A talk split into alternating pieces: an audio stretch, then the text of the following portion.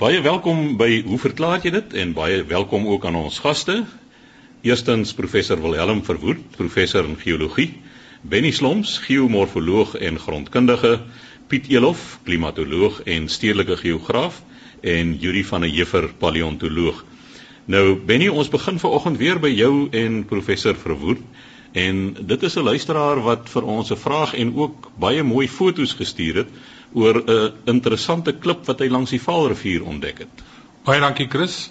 Ons het 'n e-pos ontvang van Marius. Hy het nie sy van by nie, maar 'n hakie staan Krappie. Ek neem aan dit is sy bynaam wat hy het.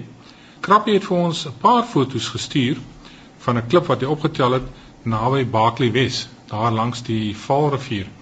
En die foto's wat hier het is van 'n plat klip wat hy opgetel het. Dit is duidelik kwarts. Hy's ongeveer 'n sentimeter dik en dan op die end so 'n bietjie dikker en aan die een kant van hierdie kwartsklip is daar so ander afsetting so laagie aan die buitekant van die klip. Maar wat interessant is van hierdie kwartsklip foto wat hy vir ons gestuur het, is dat dit lyk asof hierdie klip dubbel gevou is, soos 'n papier wat 'n mens dubbel vou en dan in die middel is daar 'n baie duidelike naad en jy sien ook die kristalvorms daarso. So weer eens het ek hierdie foto vir professor Wilhelm Verwoerd gewys en hy sê dit is eintlik 'n natuurlike verskynsel wat in nate en krake van gesteentes voorkom. Maar die vraag is natuurlik, hoekom het hy hierdie dubbellaag vorm? Nou ja, Chris, die ding lyk vir my amper soos 'n mond met tande van onder en van bo. Dit is beslis nie iets wat dubbel gevou is nie. Al lyk dit miskien so. Dis net 'n geval dat die kristalle het van weerskante af in 'n oop ruimte ingekristalliseer. Dit is baie dieselfde as 'n geode. 'n Geode is 'n ronde holte, gewoonlik aan 'n lava. Dis gewoonlik 'n lugblaas wat uh, dit veroorsaak. En dan uh, sal sirkulerende waters wat silika bevat, sal dan uh, pragtige kristalle vorm wat van die wande af na binne toe groei. Dikwels ja, ons sê groei, dit is eintlik kristalliseer. Dikwels pers van kleur en dan is dit bekend as ametis. Hierdie is basies dieselfde ding, dit is net nie 'n ronde holte nie, dit is 'n langwerpige holte. Nou ja, baie gesteentes het maar sulke holtes uh, om verskillende redes, veral in 'n lava. Dan die ou laagie wat aan die een kant sit, uh, die kan ek nie identifiseer sonder homself die monster te ondersoek nie. Maar laat ek miskien net noem dat die die algemeenste minerale wat op die manier afgeset word is maar kwarts en kalsiet. Miskien is dit 'n kalsietlaagie, miskien is dit 'n 'n vorm van silika. Prof het nou gepraat van uh, geode en uh, iets soos ametis. Is dit so dat die kleure wat kwarts kan aanneem in uh, sulke gevalle dat dit te doen het met die teenwoordigheid van spoorelemente? Ja, maar dit is nie heeltemal so eenvoudig nie. Die kleure en minerale het baie verskillende oorsake en ek dink in die geval van ametis en kwarts het dit meer te doen met uh, imperfeksies in die kristalstruktuur. Vroeger het mense dit toegeskryf aan uh, die teenwoordigheid van mangaan of titaan, maar dit is uh, waarskynlik nie heeltemal so eenvoudig nie. Die bekende rooskwarts wat ons kry daar in die Noord-Kaap. Ek het op 'n stadium gedink dis 'n baie spesifieke element wat saam met die silika voorkom wat vir hom hierdie pink kleur gee. Is dit so of is dit die kristalstruktuur wat net nie heeltemal dieselfde is van 'n normale kwarts kristal nie? Wel soos ek gesê het, die kleur van 'n mineraal is 'n optiese verskynsel. So dit het te doen met die manier wat lig deur die kristal beweeg en imperfeksies in die kristalstruktuur veroorsaak dikwels kleursentra. Ek is nie so seker dat rooi rooskwarts toegeskryf moet word aan 'n ander spoorelement nie. Prof, hierdie verskynsel van verskillende kleure in kwarts kry mens natuurlik ook in diamante. Dis baie bekend dat ons geel gekleurde diamante kry, blou diamante, spierwit diamante, so daar's 'n hele reeks van kleure wat ons kry in diamante. So sou dit ook wees as gevolg van die kristalrooster, die lig wat anders weerkaats word of is daar werklike imperfeksies in so 'n diamant? Dit is nogal 'n interessante vraag want dit uh, herinner my daaraan dat uh, eh, daar 'n spesifieke tipe diamant, tipe blou diamant waar dit vasgestel is wat die oorsaak is van die blou kleur. Ek praat nou nie van die Hope diamant wat daar in in Washington in die uh, Smithsonian Institution se museum is nie. Diamante met daai staalblou kleur is vasgestel dat dit toegeskryf moet word aan stikstof, die element stikstof wat in tussen die koolstofatome voorkom in uh, sekere rigtings in die in die kristal en dit veroorsaak eenvoudig dat die jy weet dat ander golflengtes van lig deurgaan en of geabsorbeer word as 'n kleurlose diamant. Wat die ander kleure van diamante betref, dink ek nie is dit so goed vasgestel wat die oorsaak daarvan is nie. Want hierdie blou diamante het ook spesifieke fisiese eienskappe wat verskil van ander diamante. En so gesels professor Wilhelm Verwoerd. Ons volgende vraag gaan aan Piet Elof, ons klimatoloog. Piet, jy gaan gesels oor stabiele lig en onstabiele lig. Ja, dankie Chris. Ek wil net uh, een kort opmerkingie maak. Ek het ook eh, 'n uh, brief gekry van Carol Hendriksen. Sy vra ook of ons nie 'n uur lank kan uitsaai nie. Carol, ek is bevrees dan gaan ons in die manne se braaityd in intree en, en ek dink nie dan gaan ons so gewild wees nie. Sy Carol sê dat hulle in 2010 by Nieuwerus in hulle 'n deel van 'n reënboog deur strepe van wolke gesien. So iets hulle nog nooit voorheen gesien nie.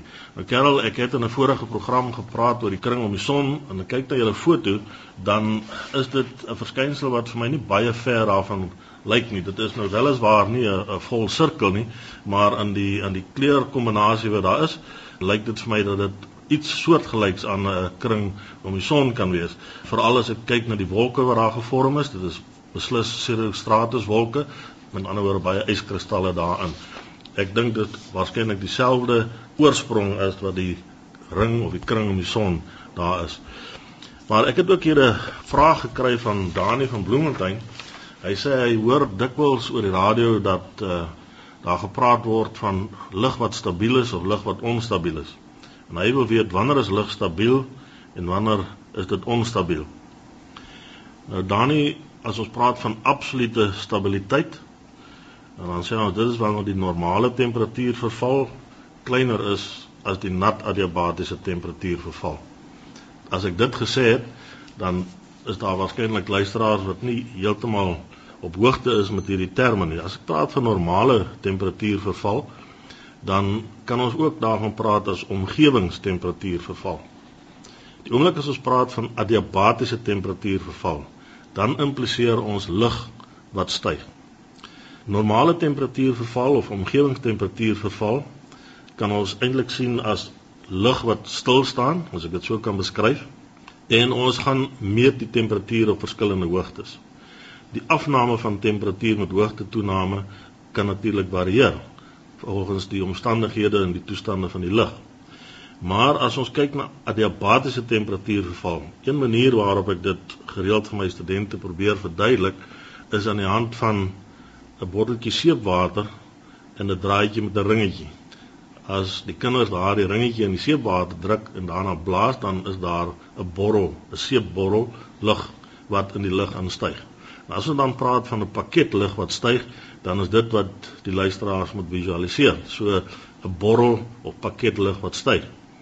Nou as daardie lig styg, dan koel dit af, daai pakket. As die lig nog nie versadig is nie aan waterdamp, dan koel hy af teen die droog adiabatiese temperatuurverval en dit is 'n konstante, 1 graad Celsius vir elke 100 meter wat ons styg. As ons nou in gedagte hou dat daardie lig koel af binne daai pakket op een of ander stadium gaan hy versadig raak. As hy oorversadig raak, dan gaan daar kondensasie plaasvind. Aan die ander wyse, dan gaan daar latente hitte binne in daai pakket, binne in daai borrel vrygestel word. Die implikasie daarvan is dat die temperatuurafname dan minder as 1 graad Celsius sal wees. Nou afhangend van hoeveel kondensasie plaasvind binne daai pakket, sal die temperatuur dan of vinniger of stadiger afneem. So as ons absolute stabiliteit het, het ek gesê is wanneer die normale temperatuur verval minder is as die nat adiabatiese temperatuur verval. In ander woorde, wat ons elke keer moet doen is jy toets die temperatuur van die lug binne die borrel met die temperatuur van die omgewing. As die lug kouer is in die borrel of in die pakket as die omgewing, dan sal hy digter wees, hy sal swaarder wees en hy sal daal. As ons egter kyk na die onstabiele toestand of lug wat onstabiel is, dis wanneer die normale temperatuur verval groter is as die droog adiabatiese temperatuur verval. Met ander woorde, die omgewing koel vinniger af as wat die lug binne in daai pakket afkoel. Die lug bly dus warmer in die pakket. Hy is minder dig en hy styg. En as hy styg, dan kan hy afkoel of hy sal afkoel, kondensasie kan plaasvind, wolkvorming en ons het 'n kans dat daar neerslag sal wees. So wanneer lug stabiel is, dan assosieer ons dit met mooi weerstoestande. Onstabiele lug kan ons assosieer met wolke wat gevorm word en moontlike neerslag wat daarop sal volg. So gesels Piet Elof, ons klimatoloog en stedelike geograaf. Ons gaan voort met hoe verklaar jy dit? Ons gaste vanoggend, professor Wilhelm Verwoerd, afgetrede professor in geologie, Benny Sloms, geomorfoloog en grondkundige, Piet Elof, klimatoloog en stedelike geograaf en Yuri van der Heever, paleontoloog. Yuri, jy is volgende aan die beurt en dit is nog 'n interessante, amusante vraag wat ek eintlik sê. Hoekom gaap 'n mens wanneer jy verveeld of vaak raak? Chris, ja, 'n brief van Japie Kutse van Stellenbosch en hy maak die punt dat hy graag geïdentifiseer wil word as Japie Kutse die leksikograaf en nie ons ander Japie die opvoedkundige nie. Ek sal nie tyd hê om albei sy vrae te beantwoord nie en ek wil graag stil staan net by die eerste ene. Hoekom gaap 'n mens wanneer jy vaak of verveeld is? Nou die kort antwoord hierop Japie is dat mense wat navorsing gedoen het oor gaap weet nog nie presies hoekom mense gaap nie. Wat hulle wel weet en ek het nou gewag vir die reaksie want een van die goed hoekom mense gaap is as jy saam met ander mense is of as iemand lees oor gaap of as iemand praat oor gaap en een van my kollegas het nou juis hier 'n gaap gelos. Wat wel bekend is is dat alle werweldiere selfs visse gaap maar dit lyk asof net mense en sjimpansees en miskien honde gaap omdat dit aansteeklik is. En dink nou maar aan waar u al gesit het waar mense gepraat het oor gaap of uh, 'n uh, storie vertel het wat baie langdradig is en iemand begin gaap dan begin die gehoor self ook gaap. Nou die algemene verklaring vir hoekom mense gaap is dat so 'n persoon is moeg of so 'n persoon is uh, verveeld of iemand anders ter gaap en dan gaap jy saam. Ons sal 'n bietjie later gesels oor hierdie empatiese gevoel by die verskynsel van gaap. Daar is egter nie definitiewe bewyse dat hierdie die redes is nie. Wat wel so is dat gaap 'n refleks is. Dit is 'n onwillekeurige respiratoriese of 'n asemhalingsrefleks en wat mense wel weet, die mense wat dit navors, dat dit die CO2, die koolstofgas en die suurstofvlakke in 'n mens se bloed beheer. Tegnies wat gebeur is as 'n mens gaap is dat jy 'n groot opening van die mond het met 'n diep inaseming en dan daarna 'n stadige loslaat van die lug wat dan in jou liggaam is. En gaap is maar een van 'n hele verskeidenheid van uh, onwillekeurige reaksies wat ons aan onderhewig is. Dink maar daaraan as iemand skielik maak of hy jou wil slaan, dan uh, koes jy onwillekeurig of jy knip jou oë. Dit is hierdie soort van instiktiewe en onwillekeurige gedrag wat nog by ons voorkom. Nou wetenskaplikes gee toe dat die begin van 'n gaap kan te doen hê met moegheid of verveling en die uh, asemhalings vlakke van suurstof is dan gewoonlik laag. Die gaapproses dan maak jou wakker. Word gesê dit wek jou op en ek sal later weer hier ook by uitkom. Dink maar aan diere wat onder 'n bos lê slaap, leeu's wat dan skielik strek en gaap slagtande wys. Daar's ook so 'n verklaring daarvoor. Dit verminder dan die CO2, die koolstofgas in jou bloed, dit vermeerder die hoeveelheid suurstof, dit forceer die suurstof na die brein toe en dit ventileer, dit maak die longe weer vol lug. Dit klink na baie goeie verklaring, maar dit verduidelik nie alles nie. Want hoekom is gaap dan aansteeklik? En hoekom gebeur dit dan dat pasiënte het mediese dokters ondervind wat skade het aan die onderste breinstam net waar die rugmurg in die skedel ingaan deur die foramen magnum daar sit die onderste breinstam en mense wat skade het aan daai gedeelte van die senuweestelsel gaap dan gewoonlik oordadig daar's ook gevind dat mense wat ly aan veelvuldige sklerose geneig is om te gaap. En nog 'n baie interessante punt is dat fetusse in die baarmoeder gaap.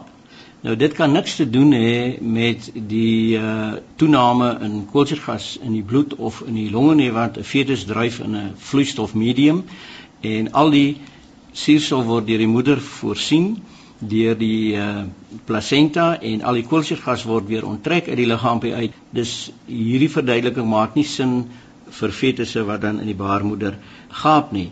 En daar's ook gevind dat 'n baie hoë suurstofinhoud in die bloed ook kan lei tot mense wat heelwat gaap. Byvoorbeeld, Olimpiese atlete wat in die wegspringblokke staan wat juis nou opgewek is, wat juis suurstof in die bloed het, die gaap gewoonlik ook. En die tradisionele verduidelikings vir gaap verduidelik nie hoekom dit dan so is nie. So opsommend kan ons sê dat daar word gesê dat daar 'n fisiologiese verklaring is vir gaap. Die fisiologiese verklaring sê doodgewoon dat 'n mens te veel koolstofgas in jou liggaam opbou en deur te gaap haal jy nou die koolstofgas uit en jy vervang dit met suurstof. Die ding is dan dat daar word gevind dat mense juis tydens oefening wanneer hulle suurstof nodig het, dan nie gaap nie. Die toediening van suurstof tydens oefening laat mense ook nie minder gaap nie of minder koolstofgas in die hoeveelheid lug wat jy inasem laat jou ook nie minder gaap nie. So die fisiologiese verklaring voldoen nie aan al die vereistes nie. Dan is daar 'n evolusionêre verklaring. Ek het gesê ons wil terugkom na hierdie gaap en tandewys aksie. Dikwels gaapdiere voor hulle oorgaan tot 'n aggressiewe optrede of hulle gaap dink maar aan die brandwag bobbejane wat daar sit dan gaap hy so groot met sy groot slagtande. Dis 'n soort van 'n intimiderende reaksie en dan kyk hy gewoonlik weg. As daar nou 'n vyand aankom en jy bekyk hom jy gaap jy wys jou slagtande om te sê jy's reg vir hom en dan kyk jy weg asof jy hom minag kan ook 'n rede wees hoekom hierdie gaap aksie dan toegeskryf kan word aan 'n uh, ander soort gedrag dit kan dan ook wees as jy wakker word en jy staan op. Jy sien dit in die in by diere in die veld, hulle staan op, hulle rek en hulle gaap. Dis amper 'n aanduiding, 'n uh, visuele sein dat ons nou oorgaan na ander aktiwiteit. Ons het nou klaar geslaap, ons gaan nou jag of ons gaan nou elders anders heen. En wat baie interessant is, is dat daar so 'n spesifieke naam is vir hierdie soort aksie. Dit word beskryf as pandiculasie. Dit kom van die Latyn af as 'n mens nou so opstaan nadat jy lank gesit het en jy strek jouself en jy gaap oordrewe gaap amper dan word daar gesê dat jy pandikuleer.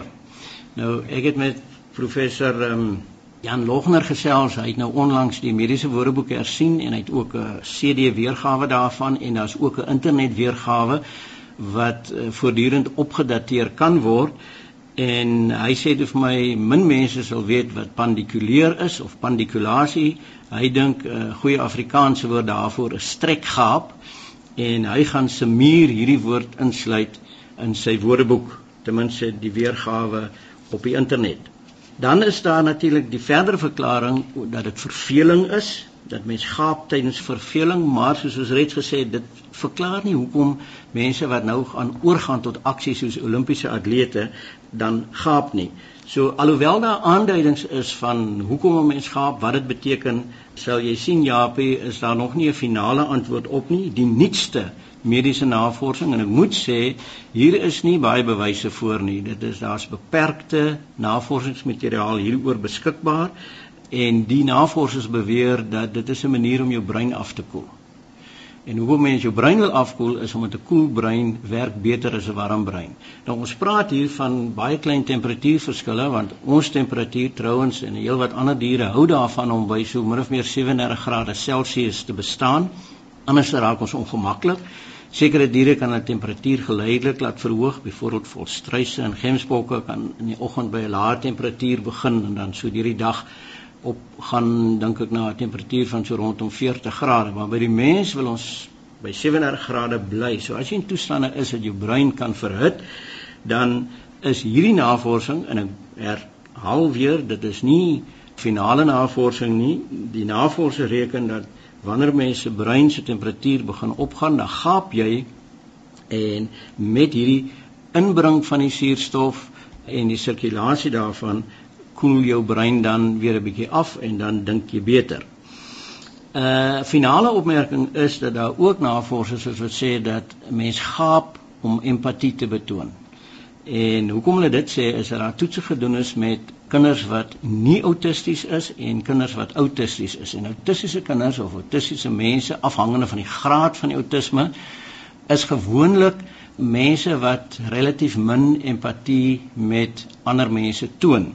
En hulle is onder sekere toetsomstandighede video's vertoon van mense wat gaap en mense wat maak of hulle gaap net hulle monde beweeg.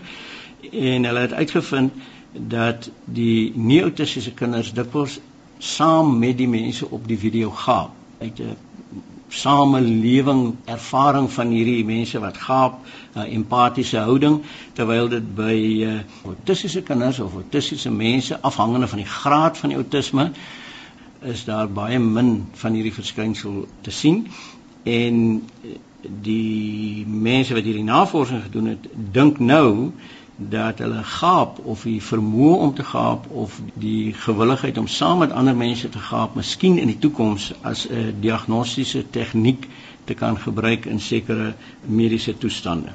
So om nou dit finaal af te sluit, ons gaap in die baarmoeder in utero, ons gaap wanneer ons opgewerk is, reg vir aksie is.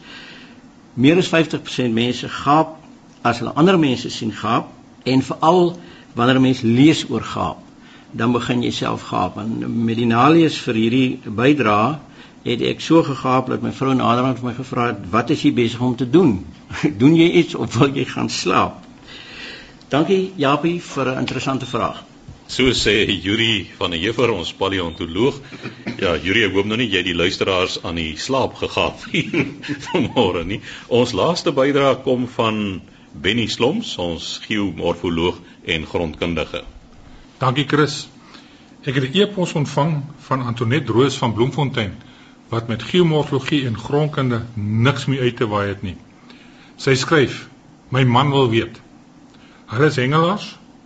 Elke keer wanneer hulle gaan hengel en wanneer dit volmaan is en hulle die vis in die hounet sit en die maan daarop skyn, dan word die vis sleg, vrot soos hy sê. Help asseblief met hierdie ene." Ek self het dit ook ervaar. By implikasie sê Antoinette Roos dat visse in 'n hounet in die water sal sleg word as die volmaan op hulle skyn. Nou Antoinette, 'n kort antwoord op hierdie vraag van jou is dit kan nie waar wees nie. Die maan het met die vis se gesondheid niks meer uit te waai nie. Daar moet ander redes wees hoekom die visse vrek in die hounet. Uit die aard van die saak sal die visse eers moet doodgaan voordat hulle vrot word. So ek self is ook 'n hengelaar. Goed, ek vang by die seevis en nie by damme nie. En my visse is nie nou net nie, hulle vrek bloot omdat hulle uit die see uit is en ek hulle keel afgesny het. Maar ek weet glad nie wat hier aangaan nie. Ek kan nie glo dat dit waar is nie. So om die volmaan die skuld te gee vir vis wat sleg word, dink ek is 'n klein bietjie onredelik en ek dink nie daar steek enige waarheid in nie.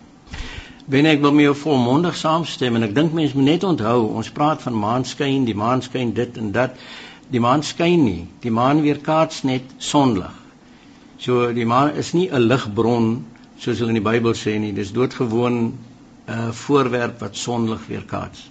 Ek verstaan dit, Yuri, maar ek vermoed dat dit indien die maan nou lig weerkaats daar wat hulle vis vang, kan 'n mens beter sien wat aangaan. En hierso is 'n slang in die water of definitief nie in die gras nie wat veroorsaak dat die visse vrek. Dalk was dit 'n warmer aand gewees. Ek sou miskien vir Piet vra, hy's ook 'n baie ywerige hengelaar by varswater. Piet, het jy al so 'n verskynsel teëgekom dat die volmaan visse in die hounet doodskyn? Binne ons het al dikwels vis in hounette gehou. Die gedagte is juis om die vis lewendig te hou in die water veral as jy oor 2 of 3 dae dan by 'n spesifieke plek hengel. Ek het nog nie dit so ervaar nie. Ek dink dit hang gewoon af van hoe lank daai vis nou al dood is in daai hounet en dan is dit seker van nature as dit 'n warm dag is en die water is relatief warm, dan sal die ontbinding proses baie gouer begin. En as dit nou deurgaan deur 'n dag of twee en in die aand, dink ek nie die maan hoor die skuld daarvoor te kry nie. Ja, miskien het hulle net die hou net daar langs die buur gesit wat hulle ook in die water koud en dit na 'n dag of twee uitgehaal. Maar daarmee is ons tyd ongelukkig verstreke. Ons sê baie dankie aan ons gaste vanoggend, professor Wilhelm Verwoerd, afgetrede professor in geologie, Benny Sloms, geomorfoloog en grondkundige, Piet Elof, klimatoloog en stedelike geograaf en Juri van der Heever, paleontoloog. Skryf gerus aan, hoe verklaar jy dit? Posbus 2551 Kaapstad 8000 of stuur 'n e-pos aan chris@rsg.co.za